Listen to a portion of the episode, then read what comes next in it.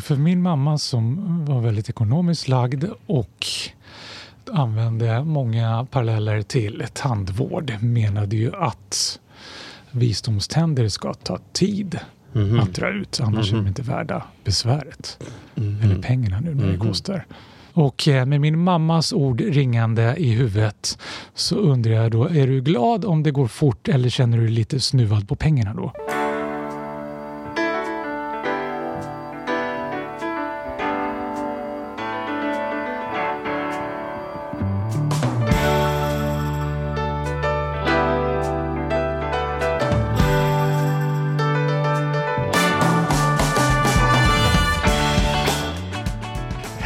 Och hjärtligt välkomna till Ekonomi på riktigt med Charlie och Mattias. Det lät väl bra? Ja, tycker jag. Pigg. Ja, pigg ja. ja. Ja. men jag är pigg. Ja, ja. Det, är, ju- det är en sån dag idag känner jag. Det är en bra podddag. Jag är lite disträ idag. För att jag är lite nervös. För jag ska dra min första visdomstand. Alltså jag har ju haft visdomständer länge. Men jag ska dra en av dem Ah. imorgon. Och jag har mött människor som säger två saker. De ena säger så här, det tog tre, literally tre sekunder. Och sen gick jag tillbaka till jobbet. Och andra har sagt, oj då, boka av ett par dagar. Det där kan bli tufft. Alltså, jag, jag har en tes kring det där. Mhm. Eller som, som jag vet, som jag har hört av en tandläkare som stämmer. Och därför ska jag inte fråga dig innan nu om det är på eh, där uppe eller där nere. Men Mm. grejen är den att vid nio av tio tänder man drar ut på överkäken Mm. så får man inga problem. Mm. Medan nio av tio tänder du drar ut i nederkäken. Men vem drar du ut tio tänder i nederkäken? Nej, Jag men nio gånger jag, av tio. Jag fattar. Jag fattar. Ja, så att då undrar jag, är det, är det uppe eller nere? Det är uppe. Bra, då Ja. Mm. kommer det gå ganska bra. Då kommer det inte bli. För att jag, det är ju så att det, det ramlar ner skit och grejer och det blir lätt bakterier och inflammerat Mhm. och då får man massa kan man få massa bekymmer. Men då är du på ovansidan så då kommer det vara en, en, en, en lätt sak. Bra, men då bestämmer vi att det är lätt. Ja. Det, det, det, det som är lite ångest i sammanhanget är att ingen tandläkare som har sagt att den här tanden måste vi ta bort, utan det är jag själv som har gått till tandläkaren och sagt nu är jag trött på den här. Varför är du trött på den? Därför att den sitter tillräckligt snett för att inte göra någon tuggnytta. Och det går inte att äta en köttbit i mitt liv utan att jag får sitta på, sen in, inte kan höra vad du säger på en timme. För jag har någon jävla slamsa mellan tänderna varje gång. Alltså så här, jag får gå omkring som någon så här med tandtråd i handväska. Alltså så är bara så här, den gör ingen nytta och den ställer till besvär och jag vet ju Så att... popcorn är inte att tänka på för då sitter det någon riktig sån här bit där bak. Ah, det, alltid, alltid. Så jag tänkte så här, om den inte gör någon nytta och den gör mig irriterad, varför ska jag ha den? Så att, eh, eh, det är en del i mitt så här, ta hand om din kroppsprojekt bara. Bra. Bort med skiten. Bort med Men då, då, då är jag nu är jag här och närvarande. Då slä, tack för det lilla terapisamtalet. Det är överkäken. Så då, då släpper vi det. Och du, nu har vi ju finfrämmat. Ja, Som vi- min mormor hade sagt. Precis, det är ju Mm. två gånger om året kanske som man kan få till det. En kanske, två. Och då är det Mm. Men alltid lite sexliv. speciellt. Precis. Det är lite speciellt, det är alltid någonting med den här. Och det är alltid lite så här, när man har en professor på plats, alltså, det är tungt på något sätt. Ja. Jag som inte är akademiker, jag blir ju sådär jag blir lite, eller lite, jag, jag blir imponerad och jag, jag tycker det är coolt på något vis. Och eh, jag, jag får enorm respekt för en professor. Kan du nämna några professorer så här som, som du kommer ihåg? Professor... Ja, min son pratar med en som, han går ju på Stockholms universitet nu och då pratar han om den här professorn, den här, åh vad bra att jag kom på vad han hette nu då. Eh, vi kan väl försöka lista ut en ung kille som har lite rakat hår och som, som inte ser ut som alla professorer gör, precis som, som Mikael inte gör. Eh, i, i, I jurist, vet, vi kanske ska fråga vår gäst, vem, hans professorkollega, Va, åh vad han heter, Schultz, Martin Mårten Schultz, kan han heta så?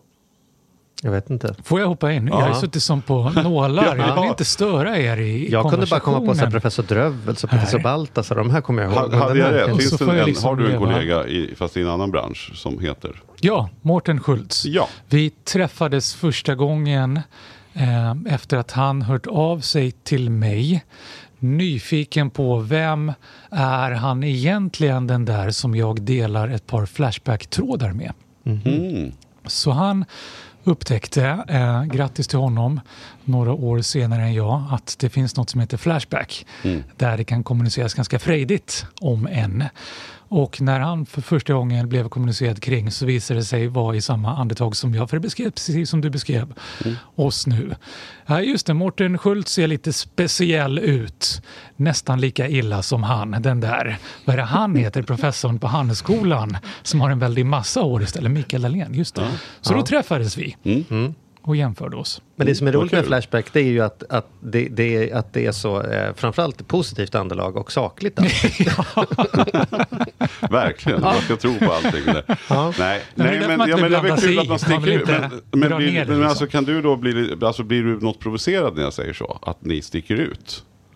Är det provocerande?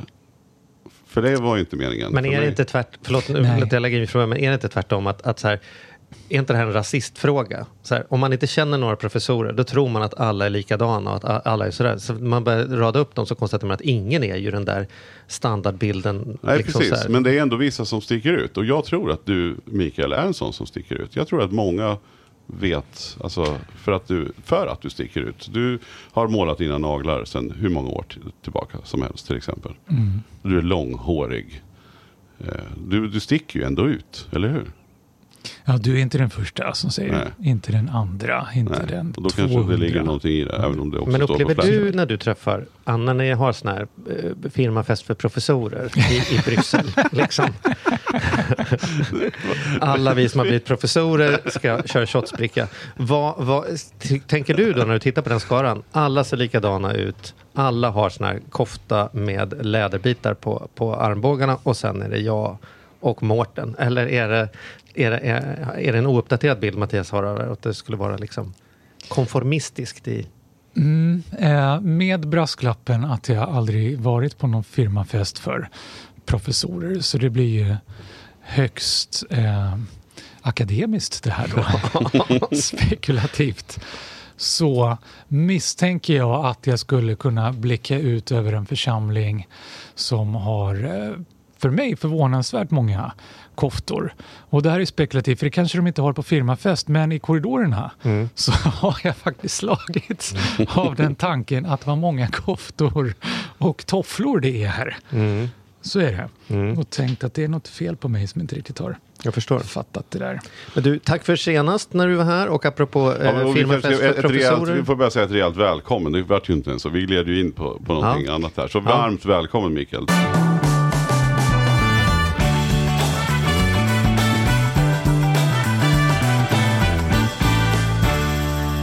Tack så hjärtligt. Du, apropå firmafester för, för professorer. Så eh, senast vi pratade så skulle du gå på Nobelfesten. Ja, just det. Det är väl liten firmafest för professorer kan man väl säga. Det är många professorer liten- där. Jag säga, liten där, du, du var inte den enda professorn Nej, det var jag inte. Inte den enda direktören, dignitären och allt. Var det trevligt? Ja, säger jag överraskat. Mm. Jag var ju nervös för hur ska man egentligen föra någon sorts normalt samtal. Det har aldrig varit något vidare på. Och de är ju långa de där Mm. Ja, middagarna. Ja. Det går väl att, att fuska sig till några samtalsämnen och komma undan med det under en kvart, 20 minuter sådär. Men fyra, fem timmar. Mm. Hur ska det gå? Men det verkar som att de nog kände det på sig. Så de placerade mig bredvid den tidigare chefen för Nobelcenter som grundade Nobelcenter Mhm. och som varit på 20 plus Nobelmiddagar Mhm. i rad Mhm. och ju var ett superproffs på det där. Jag tror det fanns en tanke där. Mhm. Så hon kunde liksom hålla koll på mig, kunde eh, guida mig med varsam hand genom kväll, samtalsämnen och så vidare. Vilket var toppen och på min andra sida satt hennes efterträdare så jag var verkligen punktmarkerad. Ja, men vad skönt. Och det var god stämning mellan dem. Det var inte som att du hade placerat som en mur emellan den som har fått sparken och den som har fått den nya tjänsten.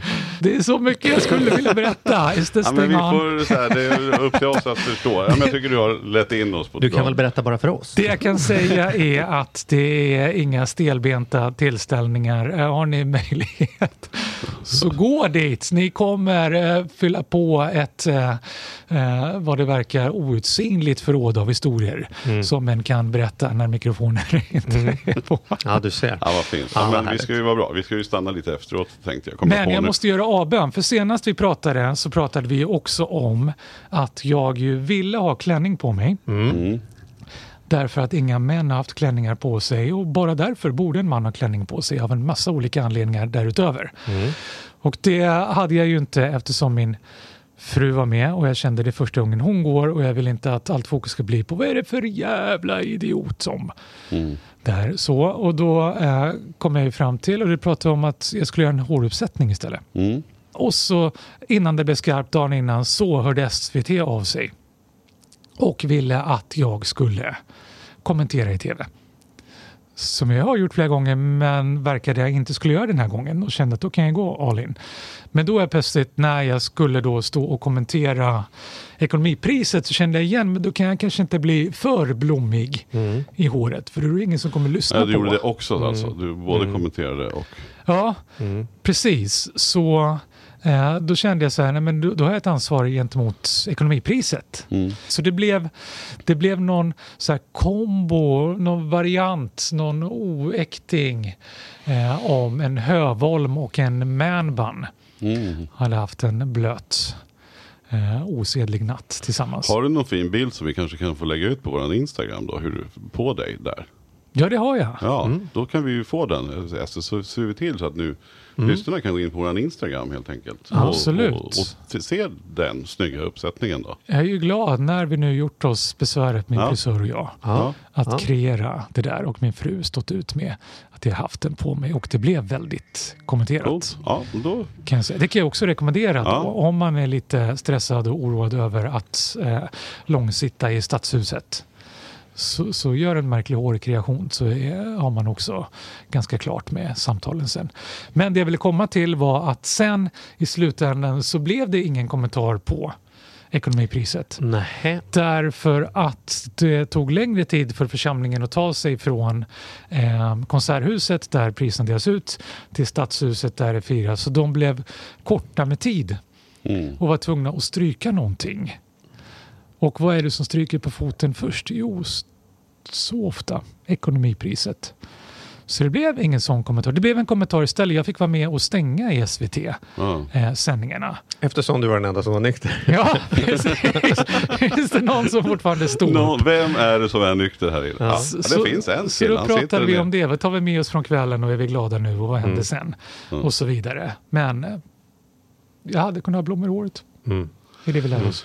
Men, ja, fan, Tveka aldrig. Ja, fint. Vi lägger Vad upp kul. en bild på upp en bild. Instagram Mm. och den, eh, om ni går in och ser den och blir inspirerade så kan ni lägga upp en bild på er själva om ni kan eh, återskapa Mikael. Så vinner ni en eh, löprunda med mig kring, förbi eh, Stadshuset på Kungsholmen. Så kan ni få valfri visdomstand. Lova inte ut för mycket nu. Du lovar ju ut guldklockor i Ja, jag- podden och allt möjligt. Och sen vet du inte om vad du har lovat. Jag springer Charlie. förbi Stadshuset var, varje dag. när och Ja, jag vet det. Ja, du bor ju där. Ja, eller Ja. Mm. Nåväl. Nåväl. Vi skulle prata om omdömen. Ja, Eh, eh, vi eh, har ju en podd som blir dömd och omdömd med siffror och sådana saker. Va? Och det är jätteintressant att se att vi har i alla fall fenomenet att det är eh, liksom maxbetyg 5, 5, 5, 5, 5, 5, 5 och sen är det någon som är så här etta.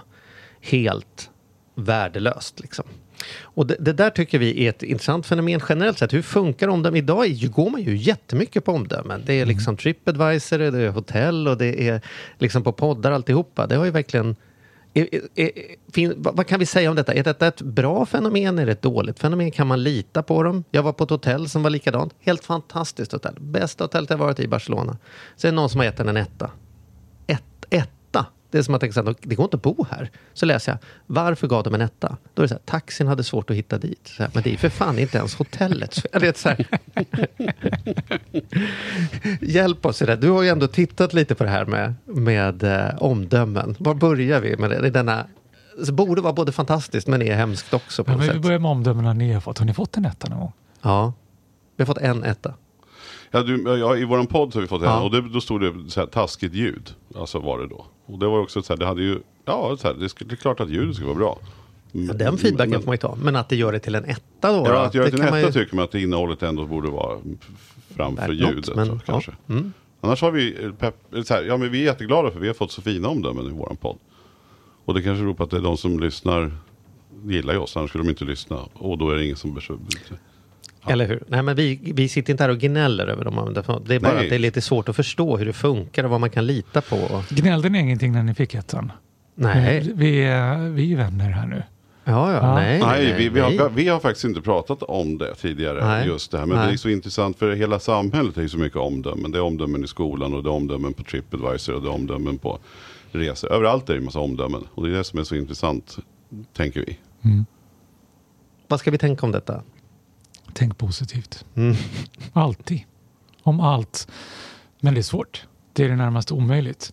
Eh, Jag är en svagare människa än ni. Det var lite projicering där när jag frågade. Gnällde ni över ettan? För det hade jag gjort. Eh, Jag eh, lanserade en podd i höstas som, likt er, är väldigt ödmjuk över. Hade bara femmer i början. Och det stressade mig så in i helsike. Jaså? För jag visste ju att det kan bara ta Mm. en väg. Det kan bara gå utför Mm. härifrån. Så med mig har det gått så långt att jag tycker det är jobbigt att få femmor. För jag vet att det kommer att chansera. Mm. Och det är så jobbigt. Kommer det från, det från din skolmiljö? Alltså, alltså kommer det från att du har för att bli professor så måste man ju ha varit ambitiös i skolan från början. Alltså man har ju kommit in på rätt gymnasie och man har kommit in på alltså rätt väg. Så här. Men det har ju krävts mycket plugg. Är, det här, är det en fråga eller ett påstående? Ja, nej, det är en fråga. Mm. Kommer det ifrån, inledde jag med. Alltså kommer det ifrån att du lever i, har, har levt länge i en skolmiljö? Jag tvättar mitt smutsiga byk nu då. Mm. Jag tror inte jag berättar det här för någon någonsin. Men jag hade under min skoltid mardrömmar. När jag kunde vakna upp kallsvettig och kanske skrikande. Jag hör så dåligt så jag vet inte, jag kan inte höra ens mig själv skrika. Men va- vakna upp i det, den traumatiska illusionen att jag fått tillbaka ett prov där det inte var betyget 5 som var det högsta Mm. när jag Mm. gick. Och Eh, svaret på, Och det hände då kanske aldrig? jag inte är så fel ute i den frågan med andra ord. Det, är samma, det är samma. Ja, men det är mardröm hemskt. som Jag, jag eh, hade, eh, jag brottades mycket med det och att jag är eh, och predikar som jag gör nu är nog definitivt ett utslag av det. Dessa standardprov som det heter, nationella prov. Där det var en förväntan på att Men var du skulle en sån som hade 5 bäst och av 0? alla. Ja. Liksom? Ja. Precis så. Och det var jag därför att varken jag eller någon annan såg något annat värde i mig som varelse. Så det var det enda värde jag kunde rendera. Och det var ett värde som alla förstod. Mm. Det var hemskt det gav mig mardrömmar och det är första gången jag berättar om det. Åh, vad skönt. Mm. Tack. Mm. Eh, men till... Och nu är vi där med podden. Nu är din podd bara... Och nu är det bara femmor där också. Nu väntar mardrömmarna på... Jo, men det jag kan säga är uh, likt Alice Cooper, welcome to my nightmare.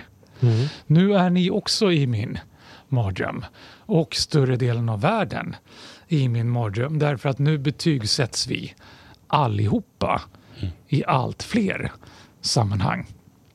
Du behöver inte ha en podd för att bli betygsatt. Du kan köra en taxi. Du kan köra... Du kan åka taxi. Du kan till och med åka så taxi. blir du precis. bedömd av hur bra kund du är. Inte ens där Ja. Mm. kommer du undan. Mm.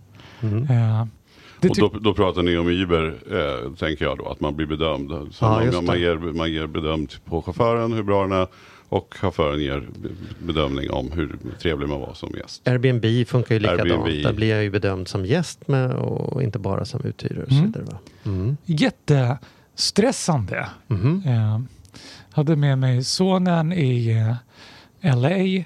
Eh, vi hoppade in i en sån. Det var första gången han åkte Uber. Mm. Eh, eh, sa till mig, farsan var, vad trevlig föraren är. Jättetrevlig, så där trevliga är de inte hemma i Sverige.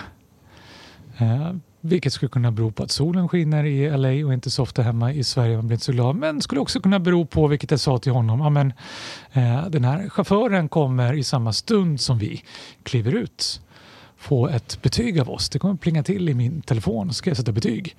Så den där chauffören vill nog vara trevlig för om hen inte får högsta betyg så minskar sannolikheten att eh, någon annan kommer vilja åka med hen. Jaha, sa min lillkille. Eh, och tänkte efter en stund och sen sa han, Åh, men du är också mycket trevligare i bilen. Än vad du brukar vara Ja. hemma. Och så tänkte jag, kan bero på att solen skiner här. solen. Kan, kan bero på att chauffören var trevlig och så blev jag trevlig. Men så insåg jag att just det, chauffören kommer ju sätta betyg på mig också. Mm. Insåg jag då. Det kanske är därför. Och sen dess har jag fått prestationsångest. När du Varenda åker. gång jag sätter mig i en sån bil. Aha. Nu måste jag ju vara trevlig. Aha. Annars spelar det ingen roll. My money is no good. Är inte jag trevlig nog så kommer de inte att, att ta min Mm. körning. Mm. Så de betygsätter ju mig hela tiden också. Hur bra jag är som förare. Och så började jag gräva i det där och så visade det sig det, det finns ett helt gäng rapporter om bland annat eh, förare i eh, USA till exempel som eh, eh, hotar mer eller mindre sina eh, vad säger man, klienter, gäster, de som hoppar in. Mm, passagerare. Ja, mina passagerare brukar ge mig dricks. Mm. Punkt, punkt, punkt. Mm. Och då brukar jag bli glad och ge dem fem stjärnor. Mm. Punkt, punkt, punkt. Mm. Underförstått, ger du inte mig dricks så kommer du få ett dåligt betyg och så kommer inte du kunna åka Mm. bil i den här stan Mm. efter det. Och eh, när jag började gräva i det där så visade det sig att det där är ett fenomen som börjat spridas ganska frejdigt. Vi kan ta Airbnb som ett exempel. Vi kan ta restauranger, hotell som exempel. Med, med gäster som, som säger det. Jag skulle vilja få ett lite bättre rum. Jag skulle vilja få det här. Jag skulle vilja byta ut det här. Eh, och får till svar, äh, det kan vi tyvärr inte göra. Det gör vi inte. Nej, men då kommer jag sätta en etta på det här. Mm. Och de känner sig kidnappade. Det fanns inget ord för det här så jag började tänka, kan man hitta på något ord för det? Så jag har tänkt rate snapping. Mm.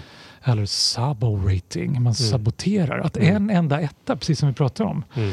kan ju paja det här fantastiska snittet man har som ligger på 5,0 eller 4,7 eller något. Och är det då inte en enorm verksamhet med miljontals betyg där en etta inte gör något som helst avtryck utan du är en mindre verksamhet så kan det göra ett jättestort Mm. avtryck. Hade vi inte kunnat lösa just det här problemet väldigt enkelt genom att sluta använda medelvärde och helt enkelt använda medianvärde? Alltså så här, vi plockar bort de sämsta mot de bästa och så säger vi att så här, ettorna var nog inte helt överlagda och de tiorna var inte heller helt överlagda.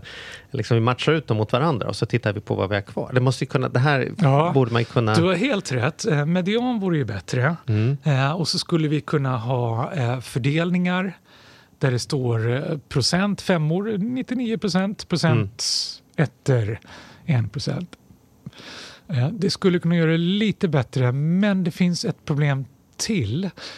Och, och det ligger i siffrornas natur. Att vi lägger större vikt vid extremsiffrorna. Eh, Det finns till och med ett krångligt ord för det, vet jag som akademiker, för det är det vi gör på dagarna, hitta på krångliga ord för saker. Eh, diagnosticitet. Att extremsiffror upplever vi som mera diagnostiska. Vi upplever att de säger mera om det Just de är det. en siffra på Just det. än de här siffrorna som alla andra ger. Så även om det bara vore en etta så skulle det trots allt och kanske rent av på grund av det tillskrivas större vikt och folk skulle fästa större vikt vid det. Därför här sticker någon ut. Det måste finnas en anledning till just den här siffran. Då ska jag ta den Men, men då är min fråga, för, trots, så här, vi är ju en ekonomipodd och jag tänker, vi ska ge lite tips då. Alltså hur du då som verkligen kan siffror och betyg och bedömningar. Eh, som du också nu har grottat i det här. Och då tänker jag, då har du grottat ordentligt. Mm. Oh ja, har gjort Ja, massa du grottar ingenting, precis. Du grottar ju inte bara lite sådär på ytan. När han grottar, minuter. grottar han och då Då grottar, han rejält. ja. Lite okynnesgrottar sådär. Nej, Ja. mysgrottar. Nej, nej. Och därför är det så intressant att höra, hur ska man då tänka när man bokar hotell eller restaurang eller Airbnb? Hur ska man utläsa de här siffrorna då, för att det ska bli rätt?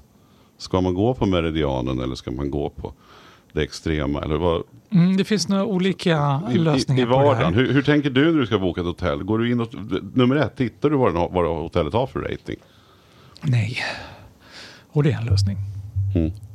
Eh, Nej, du tittar inte alls. Det är lite gambling och det är också, det har ett värde i sig. Mm. Det blir lite roligare Ja. om du inte har safeat för mycket. Det är som att inte titta på IMDB-betyget innan man börjar kolla på filmen. Ja, Mm. Då kommer du se filmer som du annars inte skulle se och du kommer att få upptäcka dem. Mm. Vilket du egentligen inte gör annars. Annars så replikerar du andras upplevelser. Mm. Det är det jag ska komma tillbaka till. För det är faktiskt bokstavligt talat det du gör om du läser på för mycket vad andra tycker. Mm. Då kommer du att replikera vad de tyckte, inte tycka själv.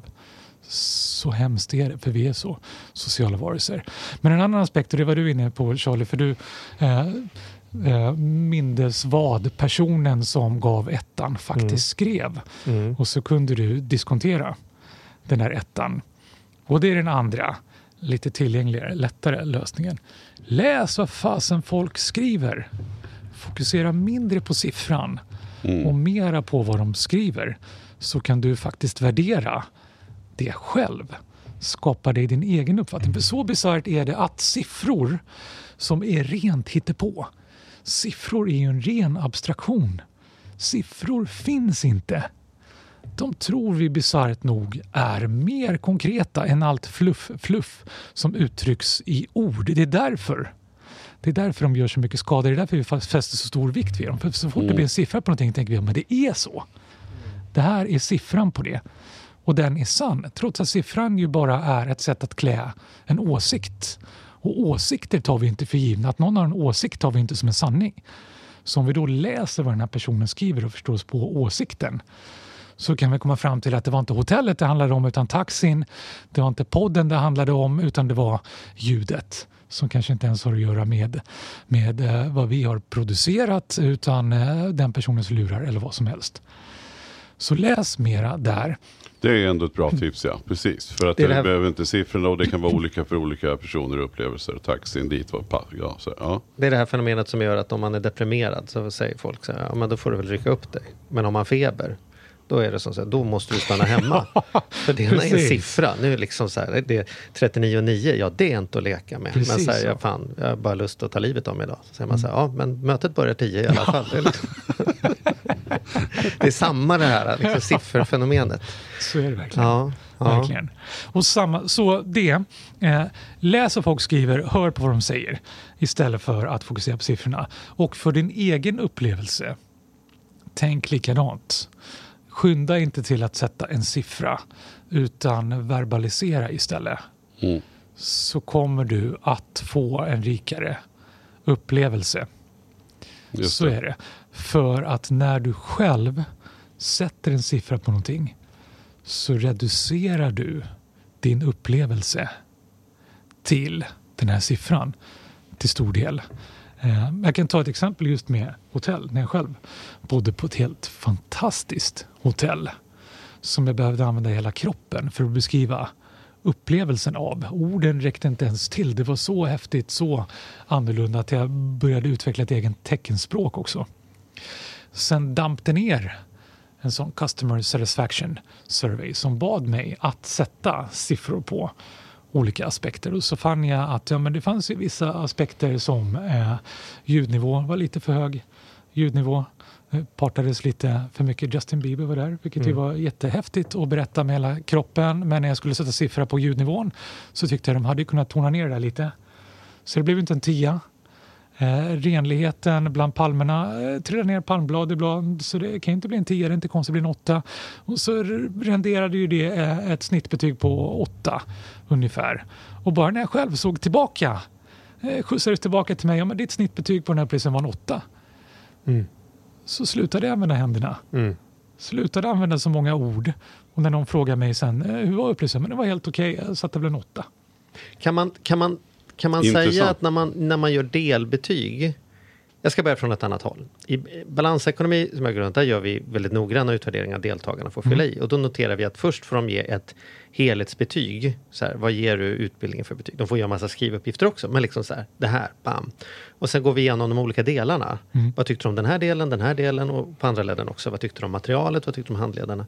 Så har folk en tendens att tycka mer om helheten än vad de har av snittet på delarna. Och därför gör du helt rätt som frågar om helheten först. För om man vänder på det så kommer du få ett lägre helhetsomdöme. Mhm. För då har folk börjat bryta ner och börjat tänka sina egna genomsnitt. Men sätter du inte högsta på någonting egentligen, då kan inte helhetsomdömet bli högst. Vilket du egentligen kan, visar ju du, när man mäter det på, på motsatt sätt. Därför att en helhet är aldrig summan av delarna. Så är det ju. Och är, är, men men är det, har, du något, har du något belägg för det jag påstår? Alltså att, att eh, delarna, eh, snittet på delarna inte är lika med? Alltså att, att man normalt sett ger högre helhetsbetyg än vad man ger i delar? Eller är det bara jag som råkar haft det så? Eller? Men, eller, men svaret på det är att ja, om du frågar om dem separat eller helhetsomdömet först. Men frågar du om helhetsomdömet sist så Mm. Just det. Mm. kommer det bli utfallet av en liten matematiker som sitter i huvudet på personen som gått igenom alla olika delar och tänker att det enda logiska nu är Mm. att om jag undvikit toppen på delarna så kan jag inte Mm. nå toppen på helheten. Ja, Just det. Och hade du fått helheten först på det här hotellet så hade du kanske spontant satt en tia för det eftersom du inte ens hade ord för det först. Ja, så blir det. Ja. Det här blir liksom, det blir summan av ett gäng kinkigheter och extremaversioner som också är ett sånt begrepp att vi har en tendens att inte vilja röra oss hela vägen ut i änden av skalorna. Då ska det vara någonting alldeles perfekt och ypperligt.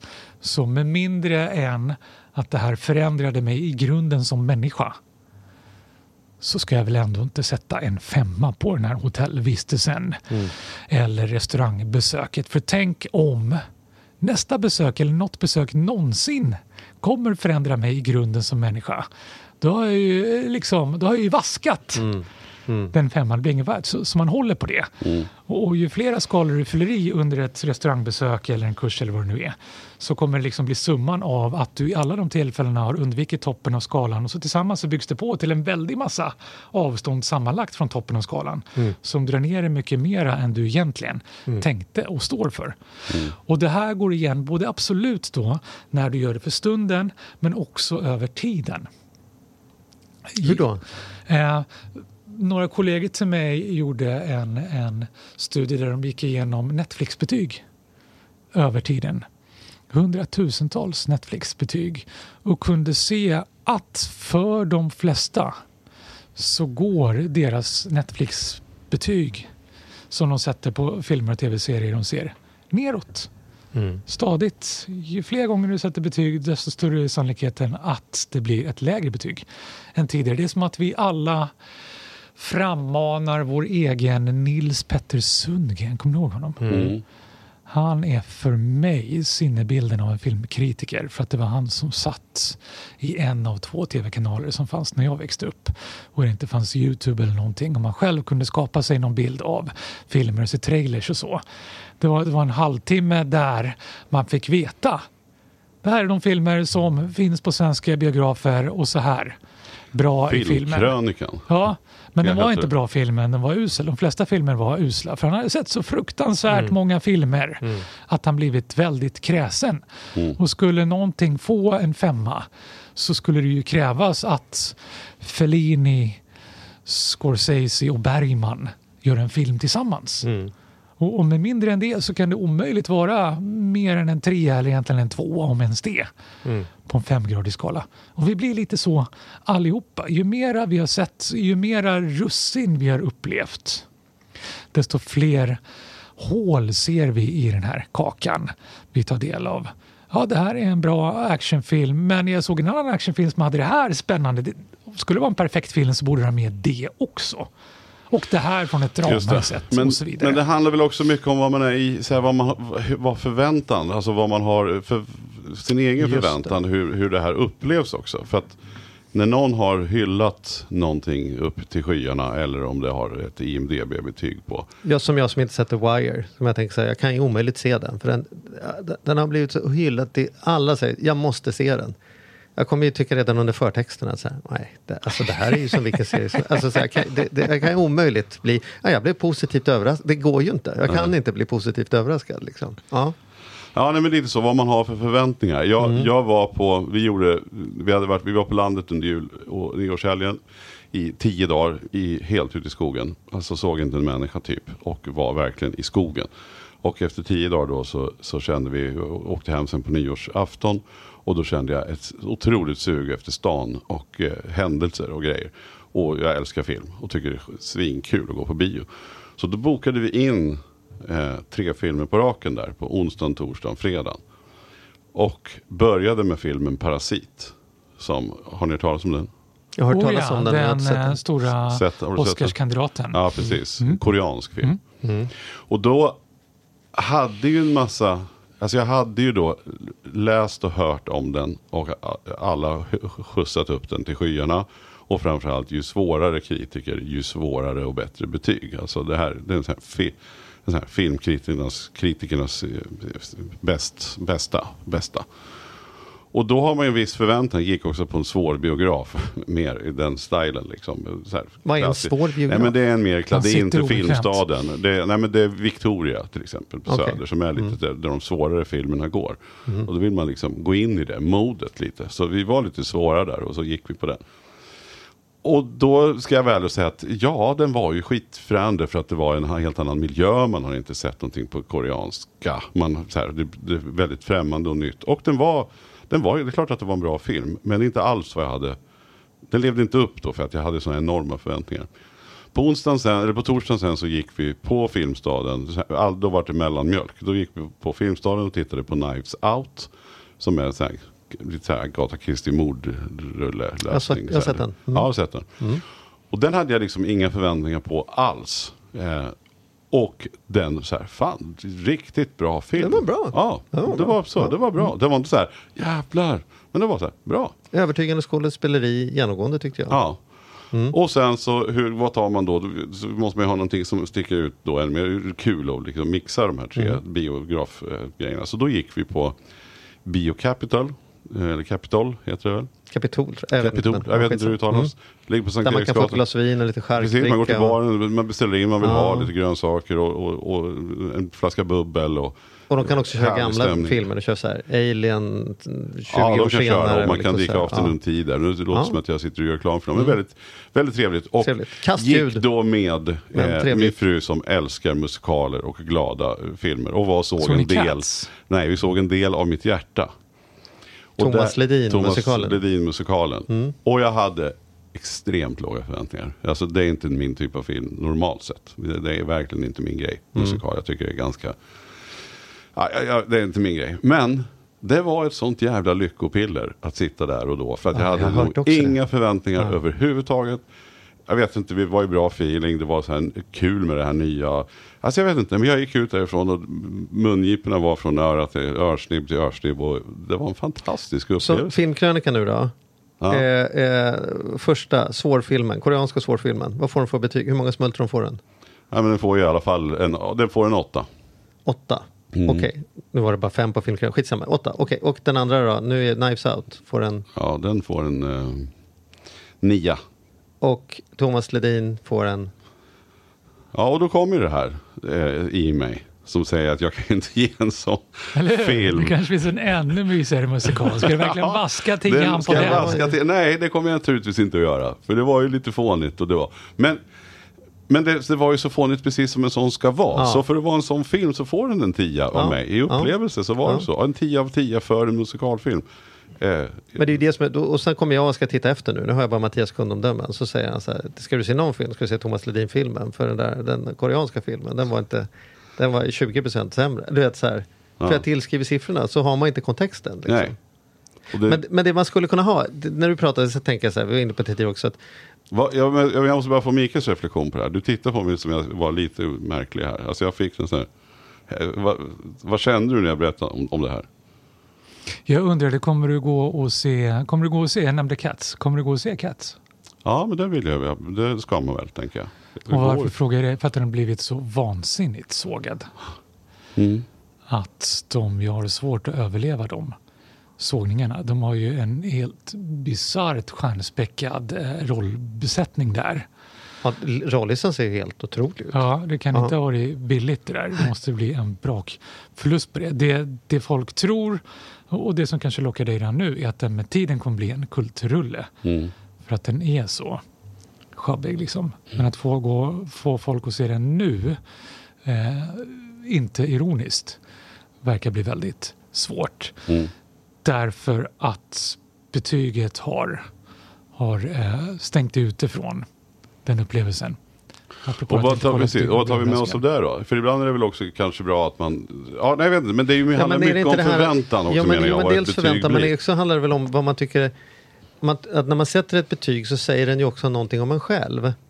Alltså, om, jag har varit och sett Thomas Ledin-filmen och så, så kommer jag till fikarummet och så har jag också varit och sett den koreanska filmen. Och så liksom så här, då, då, då, då, då säger det ju någonting till mig, så så här, koreanska filmen, fattar inte den skiten. Men Thomas Ledin, fan vad mycket sköna låtar det var. Så tycker man att man är inte en lika skön människa. Som man, man vill framhålla. Man instar mer när man står utanför Utanför, utanför- parasit, ja. utanför parasit än vad man gör utan. Så, så att det finns väl också, det är väl den där liksom lite fenomenet att, att eh, går man på en restaurang som alla har rosat som helt fantastisk, då vill man inte gå därifrån och säga så här, jag fattar inte, jag tar hellre köttsås och potatis, utan man säger, jo men det var väldigt nyskapande, och fast man själv knappt tyckte man kunde äta upp det, för det var så konstigt. Men man vill inte säga det. Och har man någonting som alla andra har dissat då, då Cats är helt oserbar, då kanske man inte ens säger att man, vill, att man går och ser den. Att- Om man kanske liksom inte äter skäms. man en grym burgare på McDonalds så kanske inte det man säger, vilken Big Mac jag åt Nej, idag." precis. Vilken är världens godaste hamburgare? Nej, det är fan McDonalds. Finns det en sån effekt? Jag menar, för vi kanske får bra omdömen därför att man tror att det, det, det är omdömet man, bo, man vi ska borde få. ge er liksom. bra omdömen och det ska en ju. Hör ni det allihopa nu? Ja. Den ska ge den här podden bra omdöme. Så är det. Det är fint att tycka det. Det är rätt att tycka det. Men finns det en Tryck sån nu. effekt? Rätt? Ja, för vi är så sociala varelser. Eh, att vi inte kan låta bli att tänka vad andra tycker om mig och tycker jag annorlunda så tycker jag förmodligen fel. Mm. Och så kan det här vara en mer medveten process som du uttryckte som vi då antingen våndas över för vi fortfarande gör det eller att vi lyckas balansera det och kan vara trygga med att, likt Mattias säger, men jag ska nog se Cats i alla fall. Eh, Men det händer i oss, vare sig vi vill eller inte. Och vare sig vi är mer eller mindre medvetna om det. Och vi är sällan så medvetna om det. Och det kan också ta sig uttryck i till exempel kom jag på mig själv efter att ha varit på en konsert att kolla recensionerna dagen efter. Jag tyckte konserten var fantastisk. Mm. Eh, och så såg jag eh, recensionen och det första jag såg på toppen av recensionen, den är alltid på toppen och den färgar ju hur jag läser det sen, var att den fick en trea i betyg. Och jag kom på mig själv återigen med att tycka att den kanske inte var fullt så bra den där Mm. konserten. Mm. I alla fall då. Mm. Det kanske var fel av mig att tycka. Därför att jag tyckte ju bara. Det var ju bara en åsikt, men här är ju en Mm. siffra. Mm. Och siffran är ju sann. Mm. Så jag kanske får justera det där. Ja men bra, bra. Det, är det, där, ska- det, där, ska- det är det vi måste lära oss hålla isär uppenbarligen. Om man ska koka ner det här så är det ju så att om, alltså omdömena och vad man tycker beskrivningen är ju jävligt mycket viktigare än siffran. Ja. Och där har vi då testat, eftersom jag gör sånt. Inte bara mysgrottar då. Utan även hårdgrottar. Mm. Det är konstiga associationer i ordet. Jag studerar. Hallongrottar. Men då har vi testat, vi testar på filmer bland annat. Ja. Eh, göra precis det eh, jag själv gav uttryck för nu. Eh, låta folk bli varse efter de sett en film. Vi, vi samarbetade med en eh, stor biografkedja här i Sverige, jag ska inte säga vilken, det finns så många eh, möjliga så de är helt anonyma. Eh, fick vi möjlighet att eh, till deras kunder eh, mejlledes skicka ut. Eh, vi är glada att du var och såg den här filmen eh, och eh, här är eh, eh, vad som har eh, eh skrivits och betygsatts om den här filmen i efterhand. Det kan kanske vara kul för dig att veta. Och sen fick de eh, själva betygsätta filmen. Vad tyckte du egentligen om filmen? Hur bra var den? Och så kunde vi då se att när folk sett en film som fick eh, väldigt höga omdömen versus låga omdömen så skilde det sig mellan de här människorna i vad de tyckte om samma film. Mm. Så ni fejkade, ni, ni skickade? Eller Precis, ni vi hittade på. Mm. Helt slumpmässigt fick man veta Just att filmen det. fick ett högre betyg Mm. eller ett lägre betyg. Mm. Och människor satte betyg i samma riktningar som det slumpmässiga högre Mm. eller lägre betyget. Vi testade det till och med sen på eh, chokladprovning där du väldigt fysiskt Mm. har facit bokstavligt talat på tungan. Vi gjorde två varianter. Eh, vi, vi stoppade människor på stan. Det här är choklad från eh, en eh, väldigt känd svensk chokladtillverkare. Får ni gissa, det finns några fler att välja på i Sverige. De kommer släppa den här chokladen, vilket de verkligen skulle. Eh, smaka på den, säg vad du tycker. Fick en del göra som sa vad de tyckte. Andra fick först veta, vi har testat det på människor som har satt det här betyget i snitt. Smaka på den, säg vad du tycker. Eh, och eh, en tredje grupp fick smaka på den eh, och sen för övrigt så fick andra smaka och tyckte det här. Vad tycker du? Och så kunde vi se, inte helt oväntat fick man veta innan vilket betyg det var. Så hade du det betyg på tungan Mm. under chokladen du stoppade där som gjorde att du tyckte lite bättre eller lite sämre om smaken utifrån vad andra redan tyckte. Och om du redan hade chokladen på tungan och du hade ditt eget facit så kom du ändå att putta upp eller ner din upplevelse och betyg när du sen fick veta vad andra tyckte. Så Intressant. vi kan inte värja oss. Det är det jag menade med att du Mm. kommer bokstavligt talat att replikera andras upplevelser.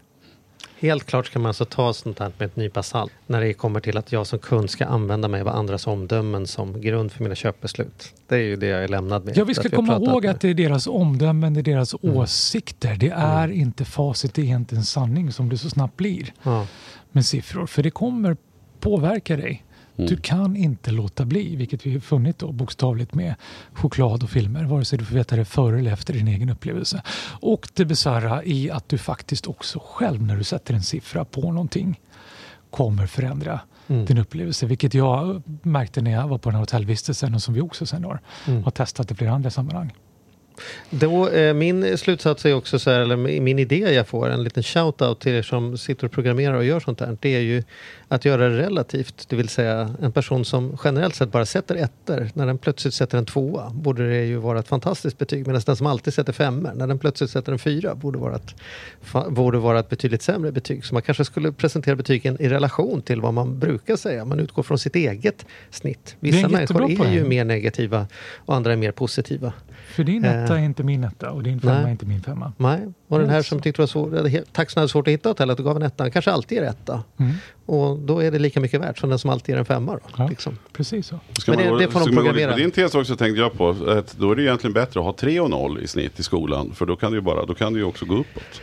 Ja, för det de som har 5 år kan ju bara gå ner. Åh, vad mycket bättre jag hade sovit på nätterna. Ja, eller hur? ja. Ja, det var intressant. vill, Siffror, vill ni eh, bedöma våran podd eller Mikaels podd, gå in och gör det. Ge oss gärna en trea så har vi Ja, ni ska ju veta det att de flesta har 5 va? Ja, Eh, vi så kommer att inte kunna det- sova. Eh, vi, ni väljer själv betyg, men när folk ger oss en femma då brukar vi eh, höra av oss efteråt och vara glada och Just tacksamma. det, för att och precis, och lite Ja. guldklockor alltså. Du brukar utlova här. Joggingrunder. Ja, just det. Nåväl, skämt åsido. Det var fantastiskt spännande att ha dig här. Eh, vad ger vi det här samtalet, Mattias, för betyg? Jo, men det här är ju en, en stark femma. En stark femma. Ja, ja. Oh, ja. Om vi Ja, nu inte ska jag- börja liksom beta ner det i delar. Men helheten är ju en I femma. helheten är en femma. Ja, för mig är det en etta. Jag hade lite svårt att hitta hit. Tack för den här veckan. Ta- Tack för den här veckan.